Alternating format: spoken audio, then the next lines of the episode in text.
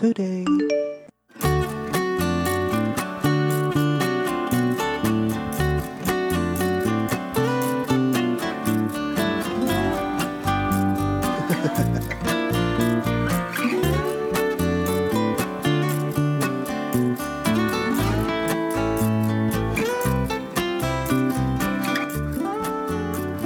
Yes. Halo guys, welcome to JM Today. Hari ini kita memperingati hari R.A. Kartini, salah satu tokoh emansipasi wanita di Indonesia. Beliau adalah tokoh yang yang membela hak wanita untuk sejajar dengan hak pria pada zaman itu. Karena waktu itu orang-orang berpikir bahwa wanita tuh nggak perlu sekolah tinggi-tinggi. Mereka cukup sekolah di SD dan ya membantu membantu menjadi ibu rumah tangga atau bekerja di rumah begitu. Nah, Ibu R.A. Kartini tidak setuju dengan pemikiran tersebut. Justru dia ingin bahwa wanita juga harus pintar, harus belajar setinggi-tingginya. Cuman ya karena waktu itu peraturannya seperti itu, beliau pun juga jadinya cuma tamatan SD, tapi itu tidak tidak memutuskan atau mematikan keinginan beliau untuk terus belajar. Alhasil setelah dia lulus SD dia belajar menulis. Dia menjadi suka menulis. Dia sering mengirim surat dan segala macamnya yang berhubungan dengan tulisan.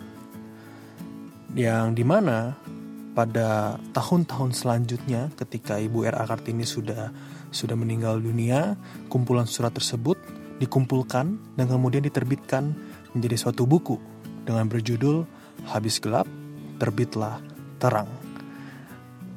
Gue percaya teman-teman pasti nggak asing sama kalimat habis gelap terbitlah terang. Karena dulu pun mungkin ya kita merayakan, sekolah-sekolah kita merayakan hari peringatan Ibu R.A. Kartini dengan memakai kebaya gitu kan wanitanya pada pakai kebaya terus dengan tema habis gelap terbitlah terang begitu kan tapi kalau kalian search di internet ada quotes quotes dari Ibu R.A. Kartini yang oke okay juga menurut gue selain habis gelap terbitlah terang jadi kemarin uh, gue minta tolong untuk untuk cari quotes untuk ditaruh di IG remaja tempat gereja gue melayani. Terus ketemu nih quotes yang bagus banget. E, ngomongnya begini quotes ini berbicara seperti ini ya tahukah engkau semboyanku? Wes tahukah engkau semboyanku? Gitu. Coba gue ulang coba gue ulang ya gue ulang tahukah engkau semboyanku? Aku mau. Dua patah kata yang ringkas itu sudah beberapa kali mendukung dan membawa aku melintasi gunung keberatan dan kesusahan. Kata dalam dalam tanda kutip, aku tiada dapat melenyapkan rasa berani. Kalimat dalam tanda kutip, aku mau membuat kita mudah mendaki puncak gunung. Wes, mantep ya. Jadi kalau gue baca cepat begini bunyinya. Tahukah engkau semboyanku? Aku mau. Dua patah kata yang ringkas itu sudah beberapa kali mendukung dan membawa aku melintasi gunung keberatan dan kesusahan. Kata aku tiada dapat melenyapkan rasa berani. Kalimat aku mau membuat kita mudah mendaki puncak gunung. Jadi kalau lo mau ambil makna dari quotes ini ya intinya adalah mau dulu, gak sih? Intinya adalah mau dulu. Terus gue jadi terbayang dengan quotes habis gelap terbitlah terang. Gue jadi terbayang itu. Bagaimana dengan kehidupan orang Kristen yang sedang berada ke dalam kegelapan untuk bisa hidup di dalam terang. Wes, gue jadi kepikir ke situ. Oh ternyata untuk bisa dari gelap, kehidupan gelap kita menuju kehidupan terang itu adalah yang pertama harus mau dulu. Karena dengan mau semua pasti bisa. Gunung pun bisa didaki kalau kita mau. Demikian pula kehidupan kita yang gelap, kehidupan kita yang duniawi bisa berubah menjadi hidup yang terang kalau kita mau dulu mau gak berubah mau gak ikut Tuhan benar-benar kalau setelah mau ada step kedua yaitu apa melangkah karena kemauan hanyalah sebuah mimpi tanpa sebuah langkah ngerti gak sih tanpa langkah sebutan mau hanya sebuah mimpi oleh sebab itu kita harus berani melangkah setelah melangkah apa yang ketiga? Yang ketiga adalah kita tidak menoleh ke belakang. Seperti istri Lot, kalau di Alkitab ada istri Lot. Istri Lot menoleh ke belakang dan dia menjadi tiang garam. Dia menoleh karena banyak kesenangan di mana seharusnya Sodom dan Gomora dia harus tinggalkan. Tidak boleh menoleh sama sekali. Demikian pula kita. Kehidupan gelap kita tidak boleh kita toleh sama sekali. Ketika kita sudah mau dan kita melangkah untuk berubah, jangan pernah menoleh ke belakang.